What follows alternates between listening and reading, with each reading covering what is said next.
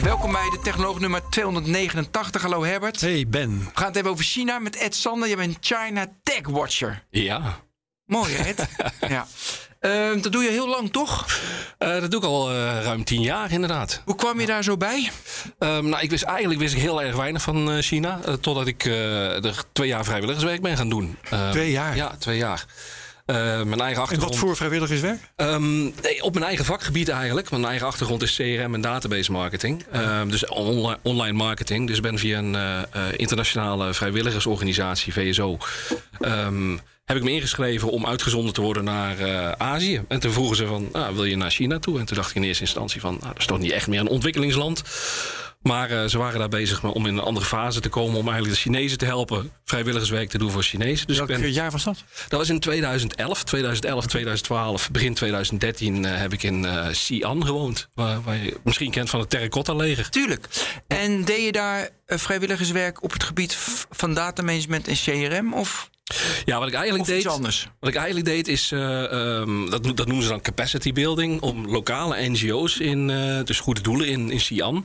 te helpen bij bijvoorbeeld hoe doe je online marketing. Hoe zet je een website op. Hoe uh, bouw je een database. Wel op je vakgebied dus, gelukkig. Inderdaad. Ja, ja dus, dus, dat je geen Engels gaf. Nee, bij geen, geen Engels gaan. er waren genoeg buitenlandse leraren die dat deden. Maar ja, ook bij eigen Werd dan wel je levensonderhoud betaald? Hoe werkte dat? Of moest je ook nog zelf je huisvesting en je eten?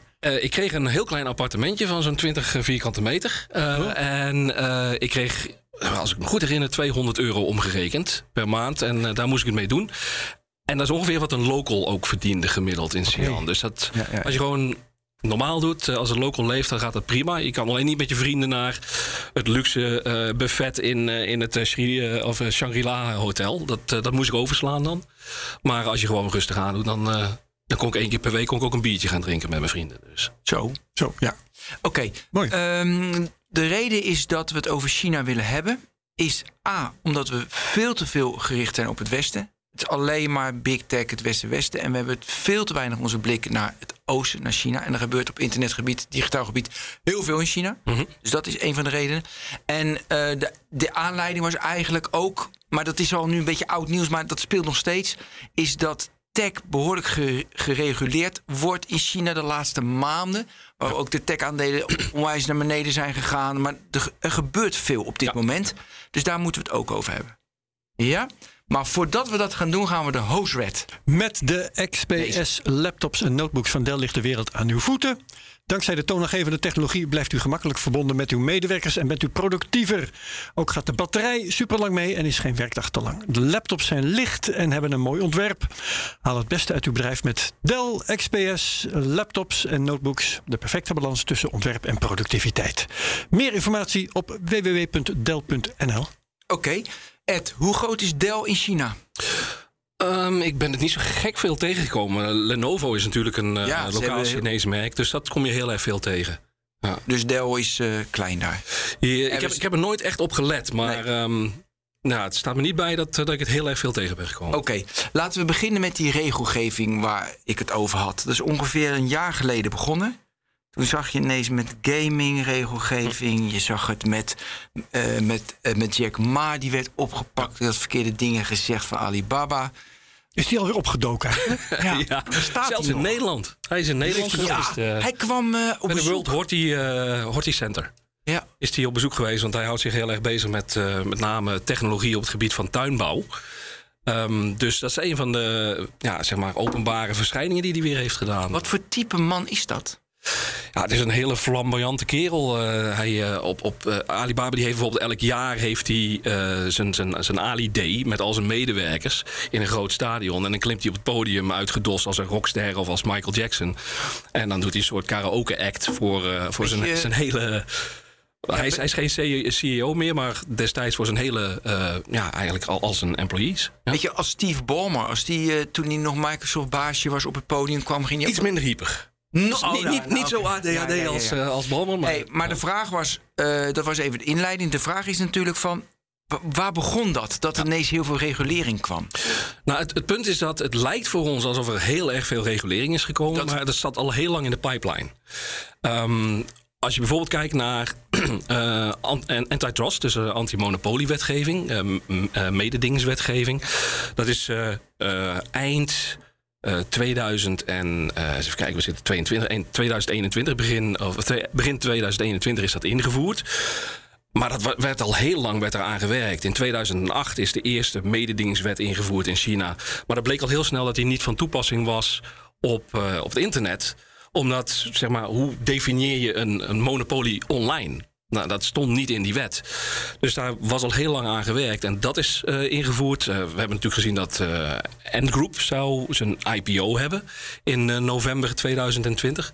Die is eigenlijk stilgelegd. Dus ook een onderdeel van Alibaba? In, nou, het is, het is geleerd aan Alibaba. Het is eigenlijk afgesplitst van, van Alibaba. Maar ze hebben nog wel aandelen, toch? Ze hebben toch ja, inderdaad. Alibaba heeft aandelen in, in End. Ja. En, en End is eigenlijk dan ook weer groot, voor een groot gedeelte eigendom van Jack Ma. ANT is het, hè? Ja. ANT. Dus. Ja, de mier, zeg maar. De mier, precies. Ja. ja. Maar dus, dan, dan, nog, uh, zeg je van ze waren al lang bezig als we even mededinging naar voren halen. Ja. Daar waren ze lang mee bezig. Dus ze zagen in 2008 dat gevaar al. Nou, in 2008 werd dat ingevoerd. En uh, toen kwam eigenlijk alle grote internetbedrijven in China begonnen op te komen. En toen merkten ze al heel snel van... nou, die kunnen we niet meer aanpakken met deze wet. Want die, die definities die passen niet op, uh, op bedrijven. Dus eigenlijk is het een soort van achterstallig onderhoud... wat heeft plaatsgevonden. En als je gaat terugkijken, dan was uh, de aankondiging van die wet... was al een jaar eerder geweest, voordat al die wetten werden ingevoerd en de IPO van, van Endgroup werd stilgelegd. Dus mensen die zich om dagelijks bezighouden met uh, wat er in tech gebeurt, die wisten al dat dit eraan zat te komen. Alleen voor een hele hoop mensen lijkt het dat het terug te herleiden is naar een bepaalde speech die Jack Ma heeft gegeven. Waarbij hij eigenlijk de eh, financiële toezichthouders een stelletje oude lullen heeft uh, genoemd. En gezegd van nou, de manier waarop jullie de markt reguleren, dat is, uh, je moet dat doen op basis van data en credit scoring, et, cetera, et cetera. dat is hem niet in, in dank afgenomen. Maar zelfs zonder die speech zou het me niet verbazen als die IPO, die beursgang van Ent ook was stilgelegd. Want de overheid die kwam er eigenlijk op dat moment achter hoe risicovol uh, de bedrijfsvoering van, van Ent Group was. In welke zin? Nou, wat, wat N-Group in principe deed, is zij uh, um, uh, scoren op basis van een hele hoop data die ze hebben uit het betalingsverkeer van Alipay en data van Alibaba. Um, bepalen zij welke consumenten eigenlijk kredietwaardig zijn om een lening aan te verstrekken. Alleen die leningen die stonden niet op de balans van Endgroup, die stonden op de balans van allerlei regionale banken in eh, China. En die banken die uh, betaalden uh, Endgroup eigenlijk een, commissie voor het afsluiten van zo'n lening. Maar het risico lag niet bij End, lag allemaal bij die lokale banken. En dat was natuurlijk zeker in een, in een markt waarbij het, de, zeg maar de, de schulden per huishouden enorm aan het stijgen waren in, in China. Was er gewoon een heel erg groot risico. En toen. Nou ja, zoals je het vertelt, is het een risico voor iedereen behalve voor Endgroup. Juist, dat was het. Dus dat was geen riskant bedrijf. Nee. Nou, in zoverre uh, dat zij het risico doorschoven naar die lokale banken. Die lokale banken die hadden vaak bij hun, bij, in hun eigen regio onvoldoende mogelijkheid om producten af te zetten. Dus de reden dat de regering daar twijfels over had, was niet dat Endgroep een riskant bedrijf was, maar dat het risico te ver de samenleving in ging. Terwijl Endgroep er wel enorm veel aan verdiende. Juist, ja. Dus, ja gratis dus, geld. Inderdaad. Dus, uh, dus dat is eigenlijk de reden dat ze hebben gezegd van... Nou, dit is veel te risicovol, we gaan het stilleggen... we gaan het bedrijf gaan we verder onderzoeken. Een maand daarna uh, kreeg je de uh, mededingingswetgeving. Toen is er een onderzoek gestart ook naar Alibaba. Um, vanwege wat ze noemen um, één van twee kiezen.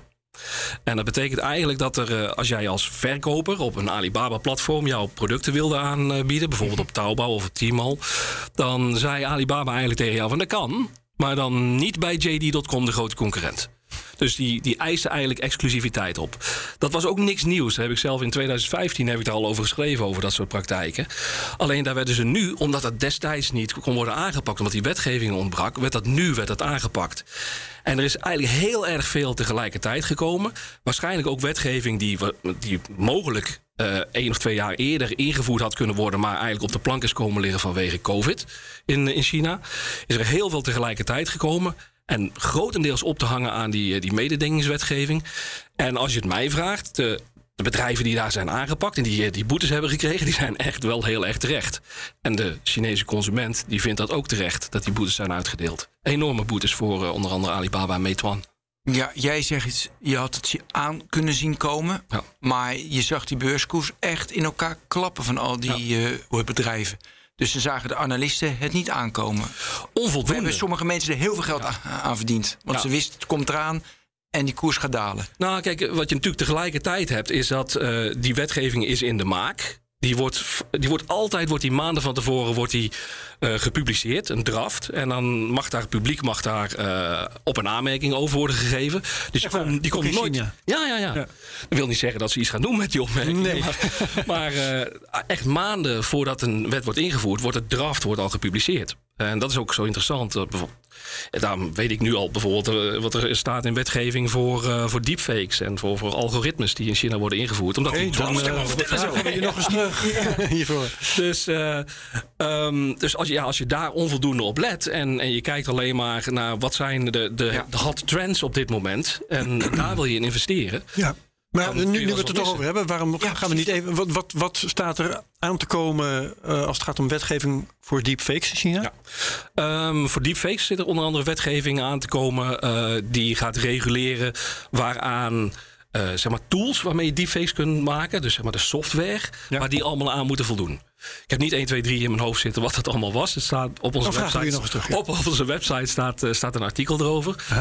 Maar ehm, zelfs daarvoor was er al eh wetgeving. Maar het zou bijvoorbeeld kunnen zijn... je mag geen deepfake maken met een bekende persoon. Nou, wat, er onder andere in staat, er, was al wetgeving die zei van... als jij een deepfake maakt van een bepaald personage... Ja. dan moet die persoon daar toestemming voor hebben gegeven. Dat soort Dat, dat, dat bestaat Ja. al twee jaar in China. De nieuwe wetgeving die zegt onder andere... ehm, als jij een tool aanbiedt eh, om deepfake te maken... dan moet jij ervoor zorgen dat in die deepfake, in hetzelfde medium...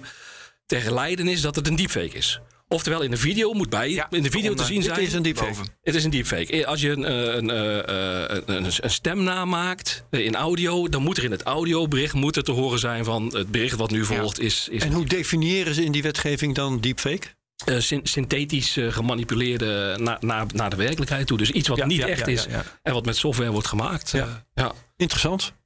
Ja, Dus- ik vergelijk met die wetgeving heel erg ook met de DMA, de Digital Market Act en de DSA. Ja. Dat zijn ook wetgevingen in Europa die eraan zitten te komen. Ja, ja. In China is dat dus precies hetzelfde. Klopt. Ja, dus ze zijn ene- enerzijds zijn ze eigenlijk een hele grote achterstand die ze hebben, zijn ze aan het inhalen. Alleen het grote voordeel wat ze natuurlijk in China hebben, daar hoeven ze niet eh, met tig landen en, en tig partijen en, en belanghebbenden over te gaan discussiëren. Als, als de communistische partij vindt dat dat nodig is, dan wordt dat in principe wel ingevoerd. En dan heb je inderdaad die mogelijkheid om, om input te geven, maar heel veel verandert er meestal niet We meer. moeten even door hebben, want we, zitten, we, we moeten even heel veel te bespreken. Dus even snel door. kom maar op. Nog even over de regelgeving, want we hebben nog heel veel onderwerpen. Even over dat gamen. Eh, dus gaming, je mag niet de jongeren tussen, wat was het, acht uur s'avonds in het weekend mag niet, zoveel uur mag maar. Ja. Dat is ook om de burger te beschermen. Gewoon streng. Dat is om eh, de, de tieners te beschermen. Eigenlijk wat, eh, waar, waar die regeling op gebaseerd is. En het is inderdaad voor jongeren van jonger dan 18 jaar. 18 hè, was het, ja. En, en voor jonger dan 16 jaar zijn die regels nog weer een klein beetje strenger. En dat is om eh, eh, de jongeren te, be- te behoeden van eh, internetverslaving en gameverslaving. Je, je moet het eigenlijk, dat klinkt voor ons klinkt dat heel erg eh, met, met, met het vingertje. Hè, dat, natuurlijk eh, weer eh, paternalistisch. ja, Ja. maar, maar dat, dat is zoals China werkt. Ehm, de Chinese communistische partij, de Chinese overheid, die heeft die paternalistische rol. Die heeft die, Ja. die ouderlijke rol. Papa beschermt je, ja. Ja, eh, on- onder andere wat zij dus doen is door eh, de bedrijven die games op de markt brengen deze regels op te leggen, want daar moet je je aan houden. En ik kan je ver- eh, ver- verzekeren dat eh, de, de meeste Chinese ouders die zijn heel erg blij met dit soort wetgeving. Ja, snap ik. Ehm, en uiteindelijk, kijk wat je dan. Wat je dan Maar even wachten, want als ik niet gewoon online game, dan kan ik me voorstellen, het is tien uur s'avonds, hij gaat uit. Mhm. Toch? Dan kan je gewoon niet meer verder gamen. Maar je, je kunt ook een fake eh, hoe leeftijd opgeven. Nou ja, een kijk, fake account. Uiteindelijk eh, eh, is het zo dat ze, eh, geloof ik maar, alleen maar in het weekend en een vrijdag anderhalf uur kunnen gamen of zo, de rest van de week niet. Maar er worden ook inderdaad wel fake accounts worden er, ver- verkocht online. Alleen als je dat doet, dan ben je niet alleen als verkoper ben je, Ook als burger. illegaal bezig. Maar, maar ook als platform. Hè? En zo werkt het meestal. Dat de distributeur, of dat nou een, een, een Tencent is die games distribueert, of een Alibaba die uh, producten op eigen ja, ja, marktplaats is, is die is mede verantwoordelijk voor. Uh, dus Tencent moet monitoren of ze vermoeden dat het een fake account is, toch? Ja. En, en die moeten ze eraf halen, anders krijgen ze een boete. Ja. Om het heel erg plat te maken. Dus ja, klopt. En wat er meespeelt is dat de, de meeste uh, zaken in, in China... die werken ook met uh, real name verification. Dus als jij een, een sociaal media account aanmaakt... Of, of een winkeltje op Alibaba of wat dan ook... dan moet je meestal je, moet je registreren... en dan een foto met je eigen ID-card op die foto om te bewijzen dat jij die persoon bent. Dan is je ID-nummer gewoon bekend. Dus er is meestal vrij makkelijk te achterhalen wie de boosdoener is achter, uh, achter misbruik. Ja. Uh, even een update met regelgeving. Ving bij regelgeving horen over het credit systeem. Ja, ik word er bijna moe van omdat dat, dat, dat zo populistisch ja. is. Maar even, hoe staat het er nu mee? Zet het door? Of is het uh, inderdaad een beetje meer podcast? Nou, nou uh, kijk, hier kunnen we een, een uitzending Weet over vullen. Wat belangrijk is, is dat het uh, sociaal kredietsysteem... waarbij elke burger een score krijgt, bestaat niet nee. in de praktijk. Um, dat wordt op die manier wordt dat mee geëxperimenteerd... in een paar, paar kleine dorpen in, in China.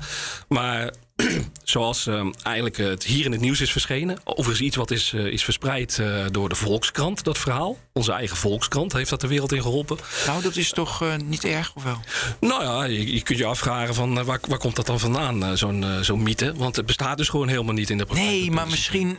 Oh, je wil even de bron van de Volkskrant weten. Ja. Ja. Het, Verhaal, het verhaal was niet juist. Nee, het, het verhaal is niet juist. Ja. Um, even wat het verhaal is. Mensen lopen op straat en, en, um, en je loopt door een rood stoplicht. En als je een rood stoplicht krijg je een vinkje, tien vinkjes. Je krijgt geen uh, geen krediet meer. Dat is half waar, dat verhaal. er zijn wel een aantal uh, uh, zebrapaden waar een camera is. En als je dan jaywalking oversteekt bij rood licht... dan wordt er met gezichtsherkenning wordt je geïdentificeerd... en dan verschijn je op een bord met je naam erbij. Ja, dat is gezien, naming en shaming in, in China. Dat werkt gewoon. Ja. Wat er niet bij wordt verteld op het moment dat daarover geschreven wordt... is dat dat vaak drie dagen later dan een keer op dat bord verschijnt. Want die gezichtsherkenning gaat niet zo snel. Oh. Um, maar een systeem waarbij je wordt bestraft met uh, puntenaftrek, dat bestaat niet. Uh, zoals ik al zei, het bestaat in een paar kleine dorpen. Laten we die mythe dan echt nu definitief ook niet meer noemen. Want anders blijft het maar bestaan. Ja. Ja, ja als, als bepaalde politici uh, ook uh, ja, daar gaan meewerken, dan uh, over die, zou zeker helpen. Over die gezichtsherkenning. gebruiken mensen in China al make-up zodat ze niet herkend worden? Ik, ik zal even je, je vorige vraag afmaken. Um, want het sociaal kredietsysteem bestaat wel, maar niet in die vorm dus. Niet oh, in het puntensysteem. Um, het is eigenlijk, een, je moet het zien als een systeem met zwarte lijsten. En data-uitwisseling tussen verschillende ministeries. Dus als jij in een bepaalde sector bijvoorbeeld uh, de, de, de, regeltjes overtreedt, want het is veelal is het bedoeld ook voor bedrijven, dan wordt die data de, tussen verschillende departementen van de overheid gedeeld. En dat kan betekenen dat je dus ergens anders wordt afgestraft. Het meest voorkomende uh, geval is dat je door de rechter een boete opgelegd krijgt en die betaal je niet. Nou, dan word je een defaulter. Dan kom je op een lijst te staan. En als je dan vervolgens een, uh, een, een, ticket met de hoge snelheidstrein uh, wil, wil kopen, dan kan dat niet. Mm, Want je staat op die lijst. die boete betalen. Ja.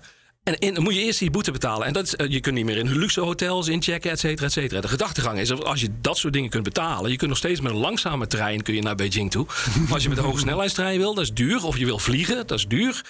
Dat zijn luxe uitgaven. Dan kun je ook gewoon eerst die boete betalen. Ja, om, om dat, om dat um, op een prettige manier te verwoorden...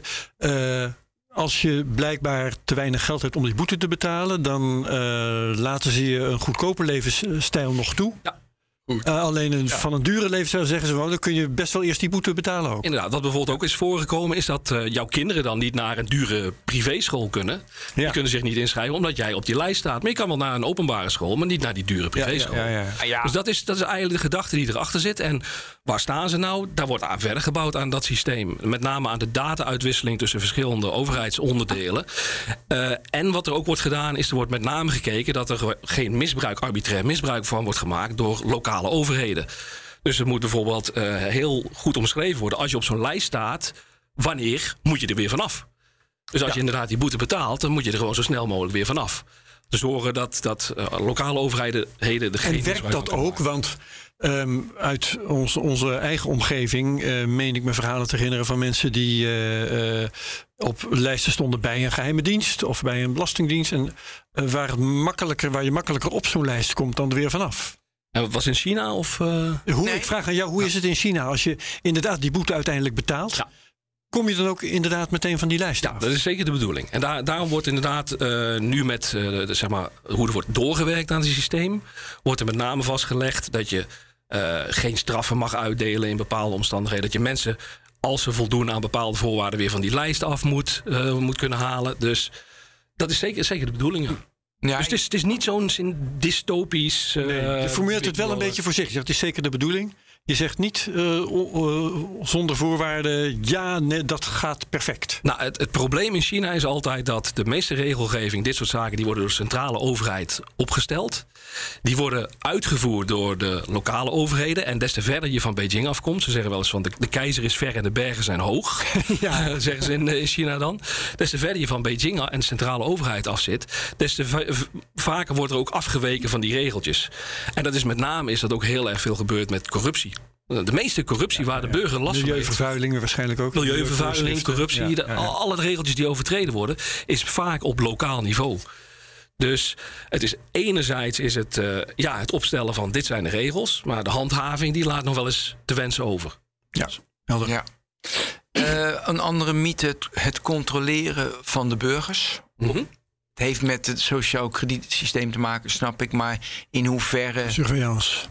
Ja, dus de, de hele surveillance ja. uh, industry. Dat gebeurt. Dat gebeurt. Net zoals dat het hier ook gebeurt. En, uh, en in Londen hangen oh, de meeste hetzelfde? camera's per, uh, per inwoner. Dus ja, mensen worden in de gaten gehouden. Je, je, moet het eigenlijk zo zien. Als je bijvoorbeeld kijkt naar wat, wat doen mensen online. Het is echt niet zo dat daar een overheidsfunctionaris iedereen continu in de gaten aan het houden is. Maar ben jij een activist? Dan staat er wel een vinkje achter je naam. En dan uh, houden ze inderdaad wel in de gaten wat jij misschien op WeChat zegt. Of als jij, uh, zoals overheidscensuur of internetcensuur veelal werkt in China.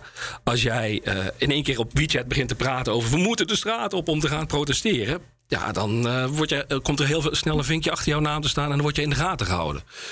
Dus dat is er zeker. Maar dat is, dus hier ook. Ja, het hangt, ja. Alleen wat je hier natuurlijk hebt, is dat uh, in principe mag je hier uh, activist zijn. En uh, je mag een dissident zijn. Je mag het niet eens zijn met de overheid. Sta je waarschijnlijk ook wel op een lijst van, van de Binnenlandse Veiligheidsdienst. Maar wat je ermee doet, wat de overheid ermee doet natuurlijk. Ja, en de, de, gevolgen in China zijn natuurlijk een stuk serieuzer. Nou, vertel. Nou, nou als je de, een hele bekende case is dat bijvoorbeeld iemand toen WeChat net was ingevoerd. Um, En dat was een, een dissident, een activist, die uh, maakte een afspraak met iemand om uh, ergens samen te komen via WeChat. En toen ze daar allebei aankwamen op dat bepaalde punt, toen stond uh, de politie stond al op ze te wachten. Dus ja, dan kun je je afvragen, hoe wisten die dat? Ja, er was dus, geen end-to-end encryption. Nee, nee, dat zit er sowieso in WeChat. Nee, het is geen WhatsApp. WeChat dat, is dat geen, bestaat ook niet in China? Signal, WhatsApp, voor zover, Telegram? Nee, voor zover ik me voor de geest kan halen, denk ik niet.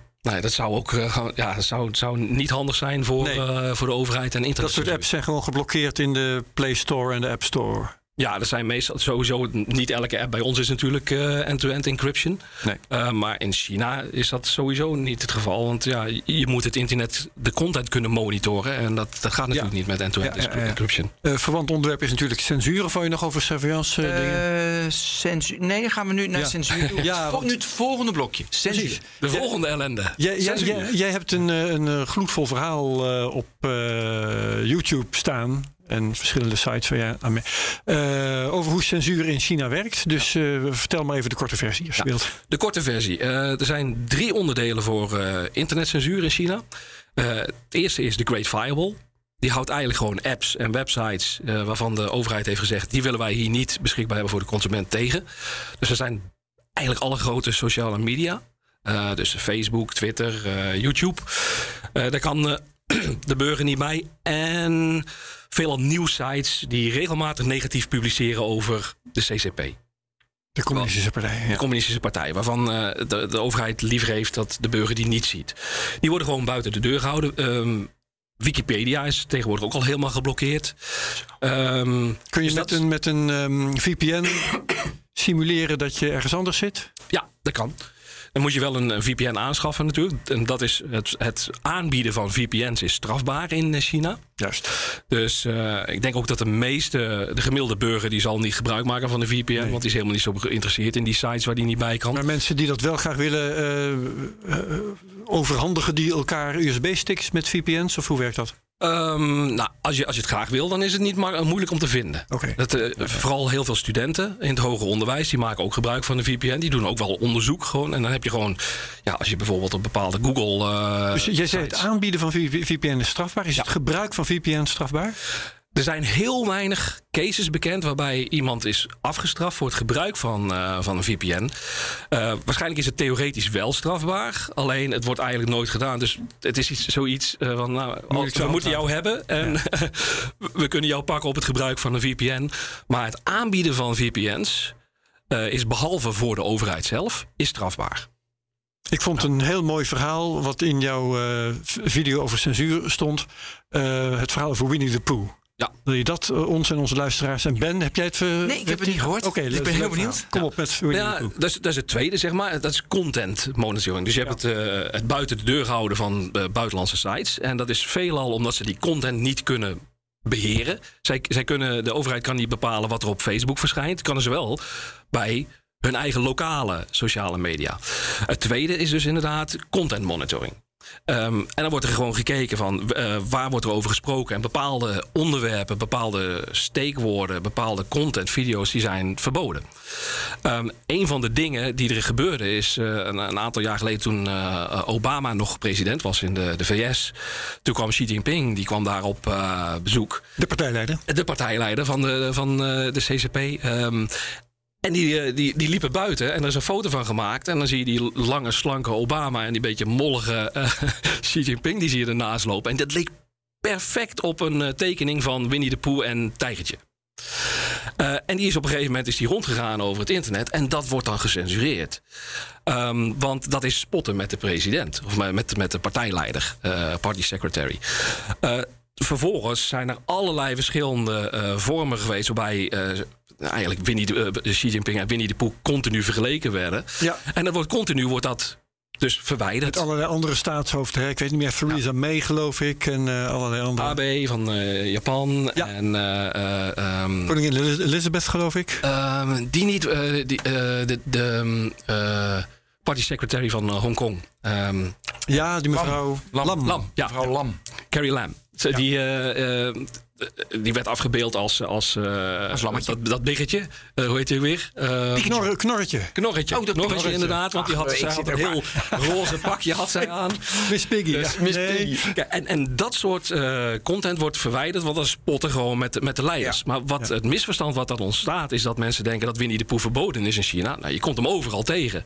Als je op Baidu gaat en je zoekt daar Chinese, Winnie de, Chinese term voor Winnie de Pooh, dan vind je heel veel plaatjes in alle speelgoedwinkels. Liggen helemaal vol met Winnie de Pooh. Alleen die als je hem combineert, Associatie, dat mag niet. Ja. als je hem associeert met, eh En met vaak zijn die heel mooi gevonden. Hè? De, de ehm, plaatjes van Winnie the Pooh en de betreffende persfoto's van de partijleider... met dan een of andere buitenlandse hoogwaardigheidsbekleder... die lijken sprekend op elkaar. Ja, je zou bijna Dus denken dat ze leuk. achteraf getekend zijn. Bijna ze wel, ja. Klopt. Ja, ja. Dus, dat vond ik dus een prachtig verhaal. Ja, dat is een heel goed verhaal. Maar goed. Eh, Kunnen wij iets leren van het modereren wat ze hoe daar doen? Ja. Want je ziet Facebook, 40.000 man, eh, allemaal moeilijk en AI werkt niet. 2 miljoen in China hè, is, eh, is het verhaal. Ja, naar schatting 2 miljoen mensen die zich bezighouden met internet monitoring, dat ze dan eh, zeggen. En, en dat is eh, het, het derde, dus om, om het even af te maken. Je, dus je hebt de Great Firewall, je hebt de content monitoring en zelfcensuur. Dus door mensen eh, de angst aan te jagen, maar ook met name bedrijven. Ja, ja, ja. Eigenlijk te bedreigen met als jij jouw content niet censureert. Westerse bedrijven ook, bedoel je? Westerse bedrijven, maar ook Chine- met name Chinese bedrijven. De meeste westerse bedrijven die hebben de markt inmi- inmiddels verlaten. Oké, ja. Dus met, ehm, eh, met name eh, de angst voor represailles zorgt ervoor dat eh, mensen voorzichtig zijn met wat ze online Aan de schrijven. veilige kant van de streep. En, en, en inderdaad dat internetbedrijven ook better safe than sorry iets meer censureren dan waarschijnlijk nodig zal, eh, zal zijn geweest. Dus eh, Dus ze hebben geen duidelijke guidelines daarin. Uh, ja en nee. Er zijn wel bepaalde dingen waar. Er zijn lijsten uh, beschikbaar. Uh, waarop staat van nou, dit zijn eigenlijk verboden onderwerpen. Dat zijn makkelijke dingen. De, de Dalai Lama Dalai bijvoorbeeld. Lama. Tibet, Tibet. Taiwan, onafhankelijkheid. Altijd in combinatie. Je moet natuurlijk wel Taiwan kunnen schrijven op het Chinese internet. In combinatie met Maar het zijn combinaties, opstand, dat soort zaken. Dus die lijsten zijn er. En wat er vaak gebeurt, is dat er. Er worden zogenaamde directives worden afgegeven. Waar een overheidsorgaan het eigenlijk instructies sturen naar de internetbedrijven. Van dit is nu viraal aan het gaan. Stop dat. Of hmm. uh, zorg, wij verwachten. Nou, het is afgelopen weekend was het natuurlijk uh, 4 juni weer. In 1989 de opstand op. Ja, uh, of het neerslaan van de opstand op Tiananmen Square. Um, en dan krijgen dat soort bedrijven. die krijgen gewoon instructies van. let erop dat, dat er geen gebruik wordt gemaakt van de woorden tank en square. en dat soort zaken. En, en dat.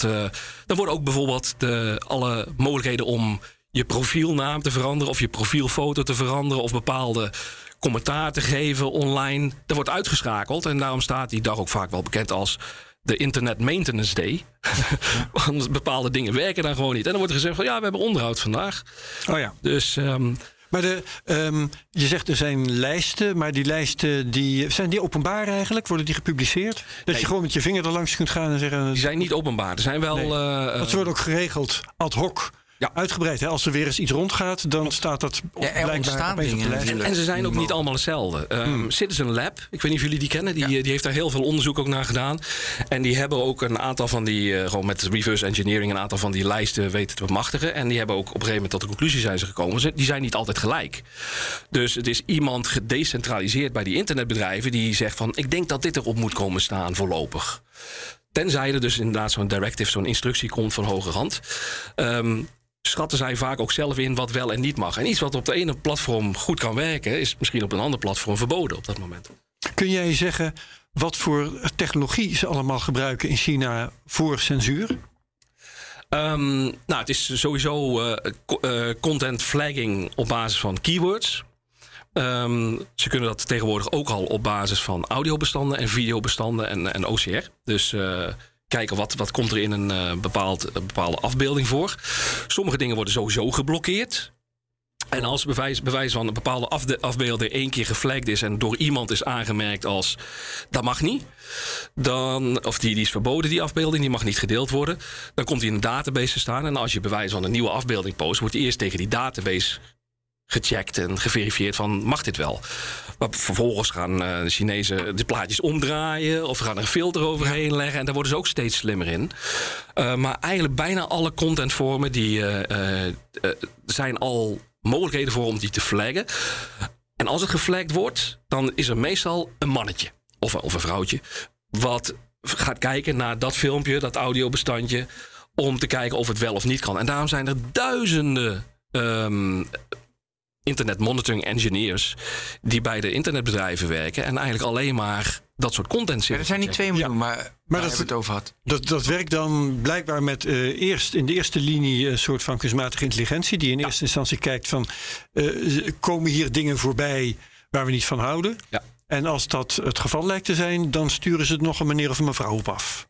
Um, sommige dingen waarvan al bekend is van uh, dit mag niet, komt niet eens bij die meneer of mevrouw terecht. Nee twijfelgevallen, die worden geverifieerd door er iemand na te En wordt het dan domweg geblokkeerd? Of uh, kunnen degenen die het hebben geplaatst, hebben gepost, dan ook bezoek aan huis verwachten? Um, er zijn een aantal uh, dingen die daarbij meespelen. Uh, is het de eerste keer dat die persoon dat doet? hoe gevoelig is het dat hij dat doet? Is het van, ja, het is niet zo netjes? Of is het gewoon oproepen tot, tot opstand, bewijs van? Ligt heel erg gevoelig. En als je dat online doet, dan, uh, dan ja, kan er heel snel iemand bij. Uh, um, maar het, het, hangt er ook inderdaad vanaf uh, hoe vaak heb je het al gedaan. Als je meerdere keren de fout in bent gegaan, dan kan je account geblokkeerd worden. Um, ja. Dus des te, des te gevoeliger, des te vervelender je bent geweest voor de overheid, des te harder de aanpak eigenlijk. Ja, duidelijk. Ken je trouwens dat verhaal van die man die die Tankman foto heeft gemaakt? Ken je dat verhaal? Ja. Moet je even vertellen. Uh, je bedoelt hoe die... Uh, ja, hoe die die foto maakt. Dat hij in de, in de wc-pot die rolletjes had verstopt. Ja. Dat is echt een Ja, ik weet niet exact hoe het is gegaan. Maar hij heeft op een gegeven moment zijn die foto's die zijn naar Hongkong volgens mij gesmokkeld. Nee, ja, in een dus zakje. Uh, dus hij maakte die foto's vanuit zijn hotelkamer. En echt een twee minuten later al bonzen op de deur. Ja. Heeft hij die rolletjes onder de wc-pot verstopt en andere rolletjes meegegeven. Met andere foto's waar helemaal niks op stond. En toen heeft hij dus later, heeft hij inderdaad naar Hongkong, heeft hij dat gesmokkeld. Ja, ja. Jeetje man, vond ik een mooi verhaal. Hoe konden ze dan weten dat hij foto's had gemaakt? Ja, daarom. Dus dat wordt, ja, geen idee. dit is, is Het natuurlijk was al heel lang 89. geleden. Maar ja, reken er maar op dat iedereen in de gaten werd gehouden... als er iemand Ja, met een camera ja. voor een raam van een hotel staat... eh, en, en ze Dat- zien dat van buitenaf. Ja. En er is behoorlijk wat, eh, wat, wat eh, ja. op de been. Dat hebben ze waarschijnlijk Ja. op die manier gezien. maar- Ja. Ehm, Oké, kunnen we het laatste waar over censuur modereren enzovoorts. Kunnen we iets bij het uploaden? Kunnen ze het ook al zeg maar, tegengaan bij het uploaden, net zoals een muziekfragment bij YouTube? Dat lukt niet. Ja. Eh, doen ze dat ook? Nou, wat er in principe gebeurt is, eh, wat voor bestand het ook is... dat moet je dus in- inderdaad eerst uploaden. En bij Dan wordt het gecheckt. Dan oké. Ehm, en als er niks meer aan de hand is, dan gaat het door. En dan vlekken. Wat, wat, wat heel duivels is overigens wat ze doen... eh, en ik heb dat zelf een aantal keren aan de lijve ondervonden... is dat je post iets... dat verschijnt bij jou in je timeline als een van jouw posts... maar al jouw vrienden zien dat niet. Nou, heb ik Dus- op private gezet, man. Dat moet je ook niet doen. Nee, maar wat je daardoor krijgt Dat is... eh, overkomt jou, Ben. Maar ja, ja. het is slimmer. wa- wa- wat je daardoor krijgt is dat denk je van... nou, niemand vindt het leuk. La, la- laat ik dit, dit soort content maar niet meer posten... want ik krijg helemaal geen likes, ik krijg helemaal geen reacties... Maar je zit in je eigen uitgaande timeline, zie je het gewoon staan. Alleen bij de rest van de wereld is het nooit aangekomen. Wat slim zijn. Dus, eh, ja. Maar dat is ook apart, hè? Want dat, dat moet WeChat dus. Eh, Dus moet dat van de overheid. Implementeren, ja. En, en want, ja, voor het bereik en zo willen ze natuurlijk meer en dat het wel Ja. viral gaat. Oké, eh, heb ik nog iets over censureren? Nee. Kunnen we naar het volgende? nog- ja, je had nog Nee. één vraag over wat kunnen wij ervan leren? Of Ja, misschien heb je iets. Nou, in, in, kijk, één ding wat ze natuurlijk wel hiermee sterk onder controle hebben in China is fake nieuws. Daar hebben ze minder groot probleem mee dan in China. Maar dat moet ik ook Dan, dan in de westerse wereld bedoel je? Of eh, dan in de, in de westerse wereld, Ja. inderdaad. Want zij bepalen in principe wat er wel en niet online kan. Wat niet wil zeggen dat er geen fake nieuws is. Er is bijvoorbeeld heel erg veel fake nieuws over eh, vaccinaties eh, die er rondgaan. Dat is een van de redenen dat China nou continu met steden in lockdown gaan. Omdat er veel te weinig ouderen zijn gevaccineerd. Omdat er allerlei spookverhalen over bijwerkingen rondgaan. Een ander nadeel wat, wat je hebt is dat, wat is fake nieuws? Ja. Wie bepaalt wat fake nieuws is? Dat is de partij. Dat wil niet zeggen dat het fake is, maar de partij vindt dat dit bestempeld moet worden als fake nieuws. Dus enerzijds, ja, zo, zoiets als er in het, in het Capitol gebeurd is eh, in, in de US, dat zal niet snel gebeuren in China om meerdere, meerdere redenen. Maar zover komt het überhaupt niet eens in, eh, in China. Nog een Dus- laatste vraag over censuur. Wat is het, nou misschien heb jij nog iets. Wat zijn de gevolgen voor de mensen van dit beleid? Dat is een hele brede vraag, maar dat vroeg ik me af. Ja, nou, Dat ze bang worden, ene- dat ze niks durven, dat ze minder creatief Nou, zijn. Dat, dat, dat, Niks geloven. niks, meer- eh, niks meer geloven. Eh, Nou, eh, dat inderdaad. Eh, er is ehm, veel zijn heel erg sceptisch over overheidscommunicatie, met name overheidspropaganda. Ehm, bang zijn. De, de, meeste, de meeste mensen die maken zich niet zo heel erg veel zorgen. Of niet in elke Chinees schuilt een activist of een dissident. Hè? De meeste mensen zijn gewoon bezig met hun leven te leiden. En eh, hun levensstandaard wordt elk jaar beter. En zolang dat goed gaat, dan ja. Ja, ja. Dus, ehm, want als ik bijvoorbeeld die, eh, die eh, lezing waar je het over had, eh, als ik die geef aan studenten, dan staan ze meteen allemaal op de tafel. En waarom pikken die Chinezen dit? Ja, wat, wat wil je dan? Als je, je kan op een gegeven moment inderdaad activist of dissident worden. En dan kun je misschien in de gevangenis belanden. Maar die zijn ook gewoon bezig om hun gezinnetje te stichten. En, en om hun de kosten te verdienen.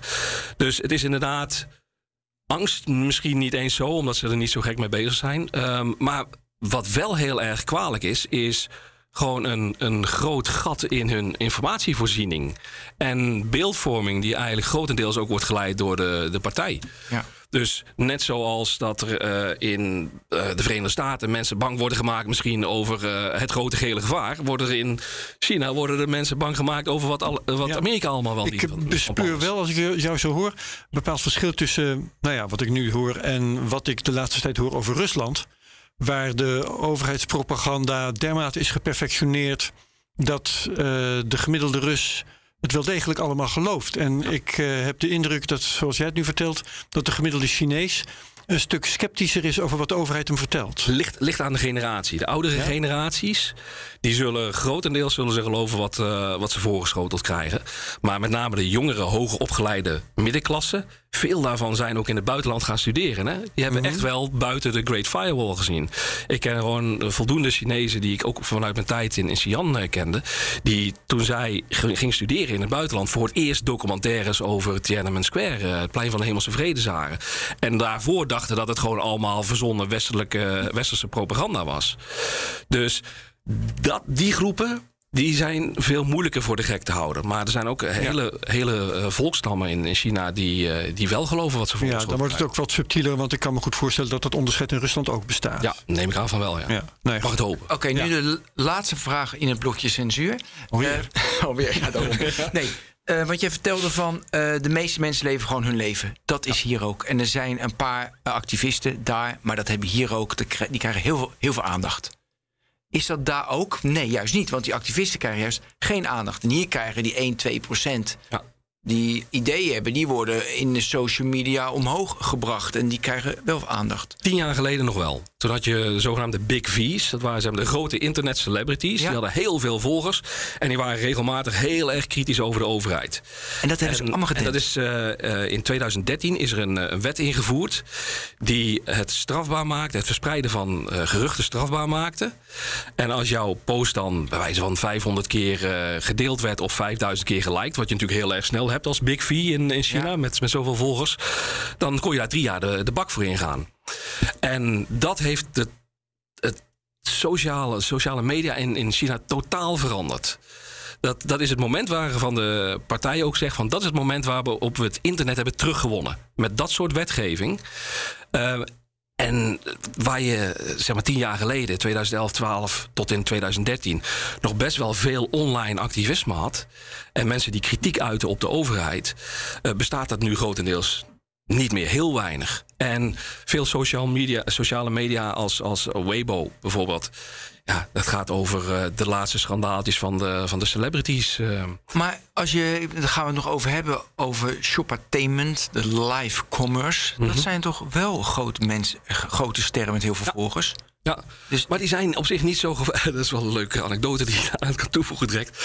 Die zijn op zich niet zo gevaarlijk, want die verkopen spulletjes online. Dus die creëren business. Ah, Die zijn niet Die activisten. zijn eh, vaak ook weer gelieerd aan een Alibaba. Dus ehm, zij creëren gewoon economische activiteit. En dat zijn die livestreamers die producten verkopen, die houden zich niet bezig met eh, van. eh, Nee. wi- wist, wist u dat wat er is gebeurd op eh, 4 juni in 1989? Ja. Behalve afgelopen weekend. Dit is het nieuwe blokje. Dit is Ja. een live commerce blokje. Dus nee, wat het afgelopen weekend is gebeurd, is de grootste live eh, stream e-commerce verkoper. Er was eentje die daar. Hoe groot? Even voor dat we een beeld. Oh, oh, dat, eh, nee, dat gaat echt over, over miljarden wat die eh, Omzet. omzet, wat, wat die verkopen. Ja, ik heb, de, ik heb de cijfers hier niet bij de hand. Nogmaals, die staan bij ons op de website. Ehm, Dat is maar Chinatalk.nl. Ja, Chinatalk.nl. Ja. Maar de, echt, die, die, die zetten zelfs in één avond zetten die miljarden om. Zeker rondom Echt? die Singles Day, hè? dus die, die grote shoppingfestivals. Zetten ze miljarden zetten Maar er is dus om. één persoon die live gaat en die gaat dan zoals Telcel gaat hij producten aanbieden. en dan kijken dus miljoenen mensen dan. naar. Miljoenen, Wil je, ja, wil ja. je een miljard omzet? Tientallen miljoenen mensen die daar eh, naar zitten te kijken. Ja. Live. En je had er twee. eh, Je had, het, je had Vaya. live, ja. Dat was de grootste van allemaal. Dat eh gelieerd aan Alibaba. Ja, maar die was ook echt goed. Ja. En, en je, had, eh, je, je hebt nog steeds Li Jiaqi. Dat is eigenlijk heel Li Jiaqi is de, de lipstick king. Ik weet niet of je daar wel eens over gehoord hebt. Nee. Dat is, Nee, hoor. dat is een, een, een, een jonge man en die deed dan ook lipstick. Deed hij op in zijn livestreams. En dat vonden mensen grappig om naar te kijken. En heel veel dames die keken daarnaar. Die, die was een livestream aan het doen afgelopen weekend. Ehm, en eh, wat ze doen is, ze promoten heel veel verschillende producten. Ze worden daarvoor betaald door zo'n merk. Die merken die geven hele grote kortingen. Waardoor zo'n livestreamer kan kijken. Dit is mijn prijs. Dit is de prijs die ik voor jullie heb kunnen regelen. Daarom kopen zoveel mensen bij die livestreamers. Eh, en een van die producten, waar ze dan meestal één of twee minuten aan besteden, was ijs. Vianetta, volgens mij. en hij verscheen in beeld, waarschijnlijk met op een schoteltje wat hij van iemand anders heeft aangereikt gekregen. Met een van ijs gemaakte tank. Wat? Op 4, op 4 juni. Jeetje. Dus Je moet, je moet maar en een paar minuten later, weg. livestream weg. En hij is Nou, we, we spreken nu uh, nadat we met elkaar hier in de studio zitten. Het leeft is twee, drie dagen later. Ja, maar hij leeft nog wel. Maar hij is nog niet terug geweest. Terwijl hij normaal gesproken elke avond een livestream heeft. Was het ondoordacht of, of zat er iets achter? Het is zeer onwaarschijnlijk dat hij zich überhaupt bewust was van wat er gebeurde. Het is sowieso um, de vraag of hij op de hoogte is van. Iemand kan hem uh, gebruikt hebben. Ja, dus, dus ja. De, de, het meest waarschijnlijke is dat er iemand in zijn team de, de zaak saboteerde en dacht van wij gaan, omdat het zo gecensureerd is, wij gaan op slinkse wijze een tankje in beeld laten verschijnen. Alleen ja, de, de, de, de censuur eh, kijkt mee en heeft op, op dat moment gezegd van uit, uitleiding, uh, of, uh, uitzending stoppen. Ja, maar dit is letterlijk natuurlijk Telcel met een, met een studio en met een regieruimte. En dan wordt het alleen maar, het wordt niet gewoon broadcast ja. op de tv uitgezonden, maar online. Online. Dat online. het enige ja. verschil. Nou, het, uh, wat er ook heel En belangrijk is. klik en kopen, je dus kunt inderdaad klikken en En kopen. dat is Dus makkelijk. De, de, de ook een groot naadloze. Er wordt dus ook gigantisch veel eh, op eh, basis van impuls. impuls Ja. wordt er eh, gekocht. Er wordt ook 30% van wat er verkocht wordt, wordt teruggestuurd. Mensen die het opsluiten van dat had ik niet moeten doen.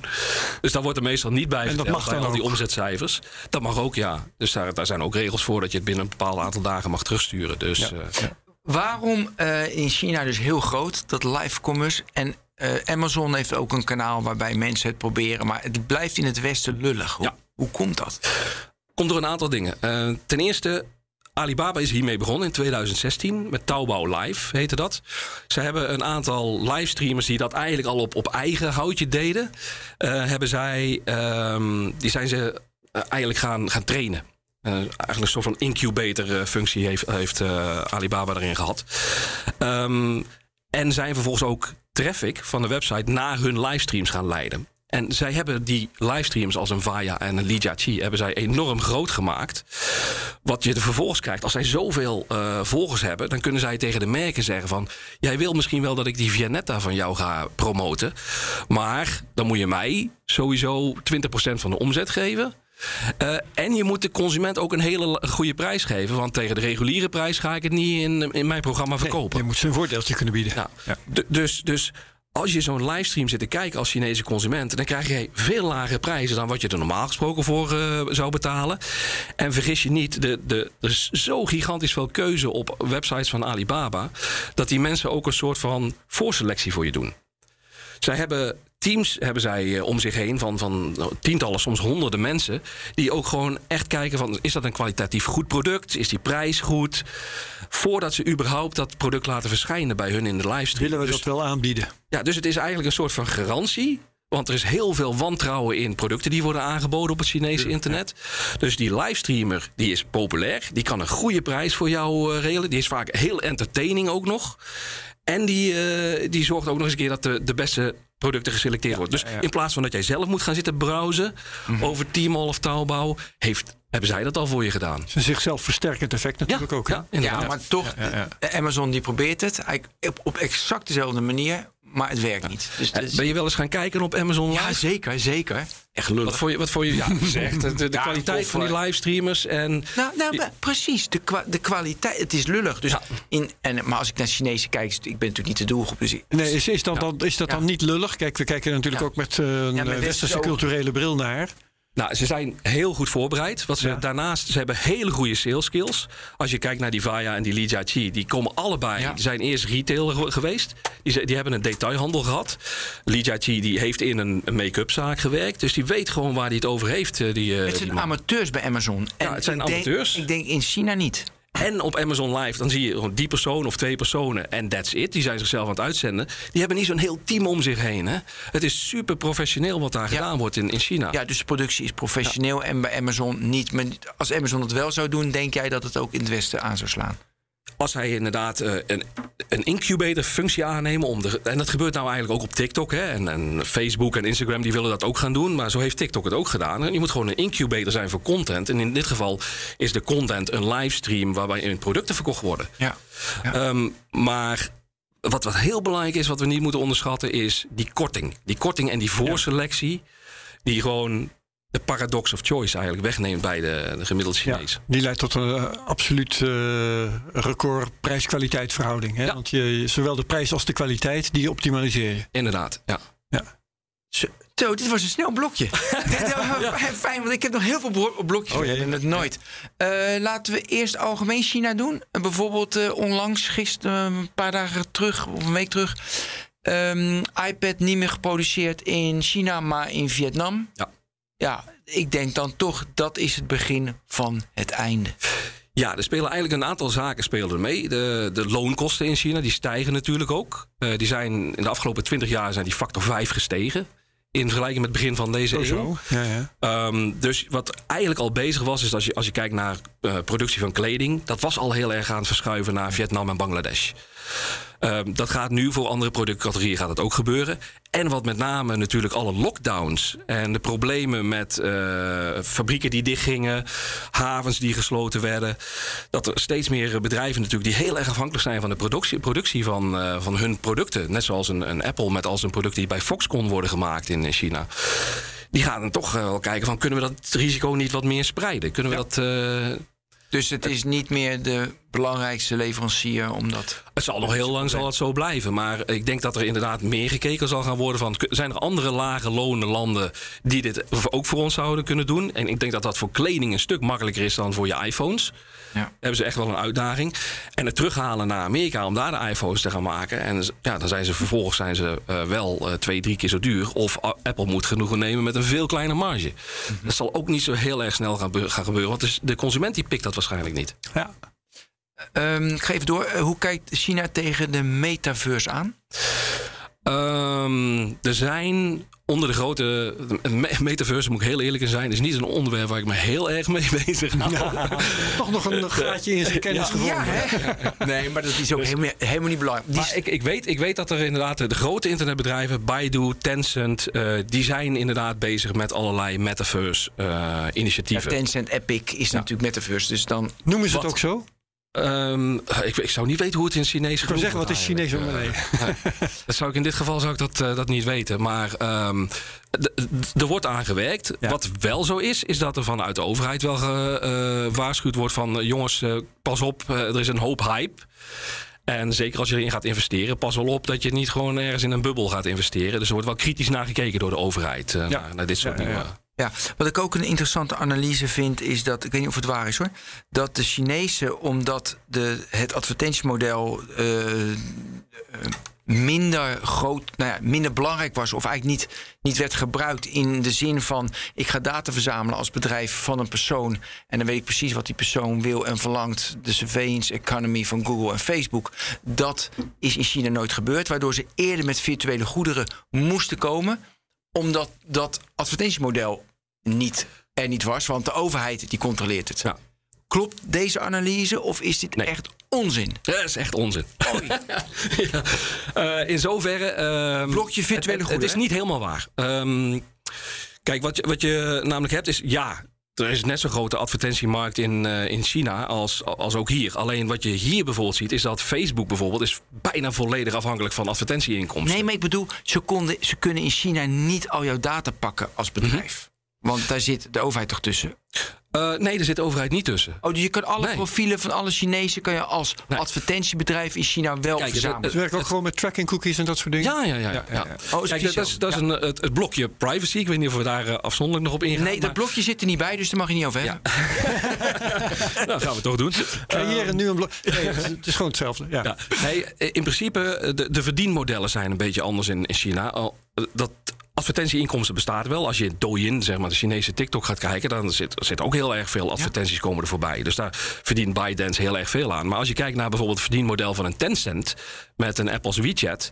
dat gaat niet zozeer over advertenties. Want ehm Alan Zhang, de bedenker van WeChat... die heeft gezegd van... het belangrijkste van alles is de user experience. En als wij net zoals bij Facebook die hele timeline waar je je vrienden ziet, Volproppen. volproppen met eh, advertenties, dan sterft het een, eh, een, een stille dood. Dus dat gaat veel meer over ehm, Commissie. eh, commercie, inderdaad. Com- Maar ook- commissie, zei ik. Ja, nou, nog Nee? niet, niet eens zo'n commi- commissie. Het gaat over bijvoorbeeld mobiele betalingen die je met, eh, met Ja, WeChat doet. moet waar je toch iets waar afromen. je een commissie van krijgt. Juist. Maar het is, gaat nog veel meer over. Tencent die investeert in heel veel andere internetbedrijven. En zodra ze daarin geïnveste- geïnvesteerd hebben, dan geven ze die eh, partijen een hele prominente plaats in hun wallet. Dus ga op jij je wallet, dan zie je daar Meituan, je ziet uh, JD, je ziet alle grote internetbedrijven waar Tencent in heeft geïnvesteerd. En zij creëren traffic naar de bedrijven okay. waarin zij geïnvesteerd dus hebben. Dus dat is wat, uh, waar Google en, uh, en Facebook en dergelijke nat voor gaan in de westerse wereld, wegens monopoliemisbruik. Ja, nou ja, wat, wat er ontbreekt vaak aan onze kant is een goed ecosysteem. Dat je mensen bijvoorbeeld via zo'n chat-app um, zo'n ecosysteem intrekt en vervolgens in allerlei andere bedrijven en allerlei andere apps en merken geld mm -hmm. gaat verdienen aan, uh, aan die persoon en niet noodzakelijk aan de chat-app zelf of aan het sociaal uh, netwerk zelf. Ja, maar um, ik, ik bespeur hier toch, hè, want het is precies wat jij schetst, dat met name Google dan wordt kwalijk genomen. Uh, ze hebben een zoekmachine en gaan dan via die zoekmachine hun eigen diensten promoten. Ja. Daar uh, krijgt Google nu voortdurend um, antitrustzaken voor aan zijn broek. Ja. Dat vertel jij nu, dat doet WeChat.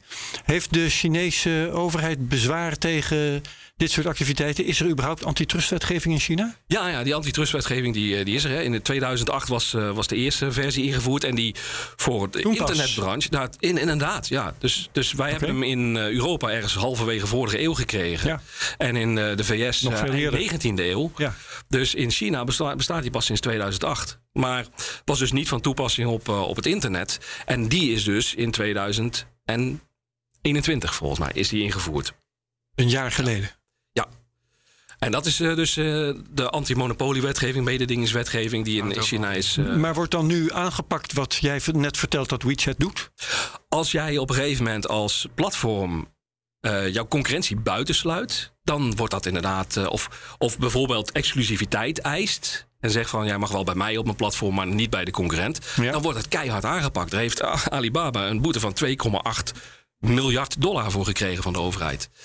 En Meituan, die is daar ook voor beboet. Meer dan 500 uh, miljoen. Miljoen zal het dan wel zijn, ja. ja. Dus, um, dus dat wordt kei, keihard aangepakt, inderdaad. Ja. Dus. Oké. Okay. Ja, ik, heb ook allemaal, ik wil allemaal status-updates. Ja. Uh, privacy wilde je weten. Oh nee, we moesten over privacy hebben. Want het blokje zat er niet in, maar we voegen ja. hem toe. Nou, kijk, wat privacy is natuurlijk... We, we hebben het gehad over die internetcensuur en surveillance. En ja, de burger die wordt heel erg in de gaten gehouden. Maar tegelijkertijd, als je kijkt naar wat mogen private bedrijven nou eigenlijk met de data van de klant die ze verzamelen. Ja. Um, er is vorig jaar in november de Personal Information Protection Law is er ingevoerd. Die beschermt de consument tegen misbruik van data door commerciële bedrijven. Of eigenlijk gewoon ook door de lokale overheid zelf, door, door de overheden. Um, die wet die is vormgegeven aan de hand van onze GDPR in Europa. De Chinezen die hebben een paar uh, knappe koppen hierheen gestuurd. Die zijn die wet gaan bestuderen. En die hebben op een gegeven moment. Dat willen wij ook. Maar ja, wat, wat doen wij? Nemen wij de Amerikaanse wetgeving, waarbij bedrijven heel erg veel vrijheid hebben met data? Of nemen we de uh, Europese wetgeving? En ze hebben gekozen voor de Europese wetgeving. En dat is dus ingevoerd nu. Dus er wordt nu heel streng wordt er gekeken naar datamisbruik door private bedrijven. Ja, maar ik neem aan dat de overheid zichzelf uitzondert. Ja, dat was de uitzondering die ik eraan toe wilde voegen. uh, de overheid uh, die zondert zichzelf niet uit, oh. behalve in het geval van binnenlandse veiligheid.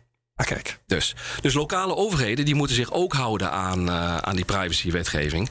Maar als de politie verdenkt dat iemand wel eens een keer een risico zou kunnen volgen en, en de sociale stabiliteit uh, zou kunnen schaden, ja, ja, ja. dan mag er heel erg veel. Allemaal ter beoordeling van de overheid zelf. Ja. ja. Inderdaad, ja. Dus maar dat, dat is wel een, inderdaad een nuancering die veel mensen, ja, die denken van, oh, er is geen privacy in China en de overheid die kan nee, bij al je data, et cetera, et cetera. Ze zitten dus hier, zeker voor de private sector, al op een beter niveau dan dat wij zitten, omdat ze bijvoorbeeld inderdaad die algoritmen en die deepfakes ook al reguleren. Wat wij ja. nog niet hebben. Ja. Oké, okay, goed. Oké, okay, dan hebben we nog uh, twee minuten voor TikTok, voor Oppo, voor uh, AliExpress. En thuisbezorging. Ik, ik, hoor het al, ik moet nog een keer terugkomen. Flits en thuisbezorging. Flits en thuisbezorgers. Zullen we die doen? Laten we die doen. Als uh, ja, ja, tot Want, Ed, um, hier uh, in, uh, in Europa staat dat langzamerhand een beetje in een kwade reuk. Hè, de werknemers die zijn slecht af. Um, de, de dark stores in Amsterdam en andere grote steden die zijn ontzierend en er is van alles mee mis. Die fietsen staan in de weg. Um, hoe zit het met flits en thuisbezorging in China? Nou, flitsbezorging zoals wij dat hier kennen bestaat eigenlijk niet. Want in, je kunt gewoon simpelweg in 10 minuten kun je het niet bij de mensen thuis krijgen in China. Steden zijn te groot. Nou, de, de, de, mensen die wonen in ap- gigantische appartementen gebouwen. Oh ja. Dus je kunt misschien wel in 10 minuten bij de poort van zo'n eh, zo'n compound komen. Maar Maar dan moet je nog, dan moet je nog naar een bepaalde flat en helemaal naar boven Zij moeten naar beneden 25e verdieping. komen, ja. Dus dat kan niet. Dus de, de snelste, die doen dat in ongeveer 30 minuten. Wat gewoon eigenlijk al prima is voor de meeste Chinezen. Ja. Wat je dus dan vervolgens hebt, is dat je hebt verschillende business models. Je hebt eh, wat ze dan noemen de self-operating platforms. Die lijken een klein beetje op eh, de flitsbezorgers hier. Want die gebruiken front-end warehouses. Daar waren die flitsbezorgers, die hebben dark stores dan. Hè? Ja. Alleen zijn groter, die zijn professioneel opgezet. Die doen vaak ook een inkoop van verse producten helemaal zelf. Die doen het niet zo goed. Dat zijn Miss Fresh en, eh en Ding Dong Might Sai. Dat zijn de twee grootste partijen. En die draaien sterk verlies. En eh, bijna al het, eh, het venture capital geld wat erin is gestoken, dat is eh, al bijna op. Dus die is de vraag of die dit jaar gaan overleven. Dan heb je vervolgens heb je Ship from Store. Wat ook gewoon binnen eh, 30 minuten thuis bezorgd wordt. En dat is bijvoorbeeld de Geurma van Alibaba, Fresh Hippo. Wat gewoon vanuit de supermarkt. Mensen bestellen thuis via een app en dan wordt het gewoon bij je thuis bezorgd. Ehm, en dat werkt vrij aardig, omdat die winkels zijn gebouwd als fulfillment center. Als je in zo'n winkel van Geurma komt, dan er zit een controlsysteem onder het eh, plafond. En de winkelbedienders die in hun deeltje van de winkel verzamelen wat ze op een handheld device binnenkrijgen, een order. Dat komt die alle verschillende tasjes uit delen van de winkel komen bij elkaar in het magazijn. Gaan voor één klant in een eh, coolbox en gaan met een koeriertje gaan, gaan die weg. Ehm, en het streven van Alibaba is zelfs om in die winkels 80 tot 90 procent van de orders online te laten komen. En dat, dat eh, vertelt je dat het helemaal niet zo om die winkels gaat. Het is gewoon een acquisitiestrategie voor online klanten. En omdat dat heel erg duur werd in de afgelopen jaren, omdat er zoveel concurrentie was, hebben ze gezegd van waarom bouwen we niet gewoon een aantal supermarkten? We maken die mensen geïnteresseerd in die supermarkt en zodra ze online gaan kopen bij onze supermarkt, dan hebben ze, hebben ze ge- gevangen. En trekken we ze vervolgens weer de rest van het ecosysteem eh, in. En het, eh, het derde, en dat is eigenlijk wat ik het meest interessante vind, en eh, dat is ehm, marktplaatsen voor offline retailers. Dat is onder andere JD Douja, onderdeel van JD.com. Ehm, die zegt eigenlijk tegen retailketens van... jongens, laat al jouw SKU's bij ons in de app. Als een consument die app ingaat, die ziet jou, alle spullen bij jou in de winkel staan. Eh, die kan ook op een bepaald product zoeken. En dan ziet hij al de winkels bij hem in de buurt die dat product verkopen. Die kan dat dan vervolgens via die app bestellen. En wij laten iemand naar jouw winkel komen. Een courier die dat gaat ophalen. Dus wat, wat doen zij? Zij gaan niet investeren in assets. In magazijnen en, en cold chain, et cetera, et cetera. Zij regelen alleen het digitale platform en de courier. Daar staat dan tegenover dus dat die courier langs twee adressen moet. In plaats van dat hij al bij de darkstore staat. Ja, die courier, maar die, die, die hangen een beetje rond in de stad. Nou, Ja. Als het goed is hangen ze niet Als- rond, want ze zijn zo druk bezig dat ze alleen maar heen en weer aan het rijden zijn. Ja, ja. Maar ze hebben een bepaald gebied voor zich. En als er een eh, order binnenkomt, dan ook op basis van algoritme wordt gekeken welke, welke courier is daar in de buurt op dit moment. Die gaat dat ophalen en die brengt dat eh, naar de mensen thuis. Eh, dat lijkt een beetje op wat wij hier hebben met eh, partijen als Peddler. Maar dan veel groter eigenlijk weer. En dat is een, een model waar ik zelf eigenlijk, naast die geurma's van Alibaba die gebruik maken van zo'n ecosysteem, het meeste vertrouwen in heb. Omdat dat niet alleen eh, een oplossing is voor de retailer. Die zelf die digitalisatie en die couriers niet, eh, niet hoeft te regelen. Ehm, en voor de consument, die eigenlijk niet alleen van naar, eh, naar één bepaalde winkel toe hoeft om daar zijn spullen te kopen. Maar al zijn, wi- alle winkels bij hem in de buurt ziet en daar Ja. kan bestellen. Zelfs ook in, in één order kan hij bij verschillende winkels bestellen. Maar ik zeg, het is voor die retailer is het de dood in de pot. Want hij wordt afhankelijk van dat platform. En dat gaat hem vroeg of laat uitknijpen. Hij moet op een gegeven moment hij moet wel een commissie betalen aan, die, aan het platform. Alleen, het is eh, de kwestie van: ga je niet mee in deze ontwikkeling?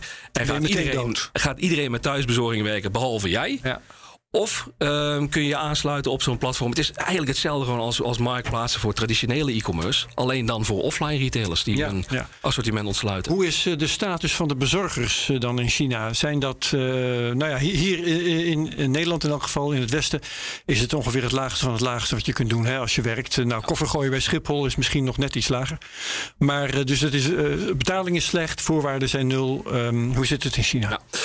Ehm, het zijn over het algemeen zijn het eh, eh, arbeidsmigranten van het platteland die dit soort werk doen.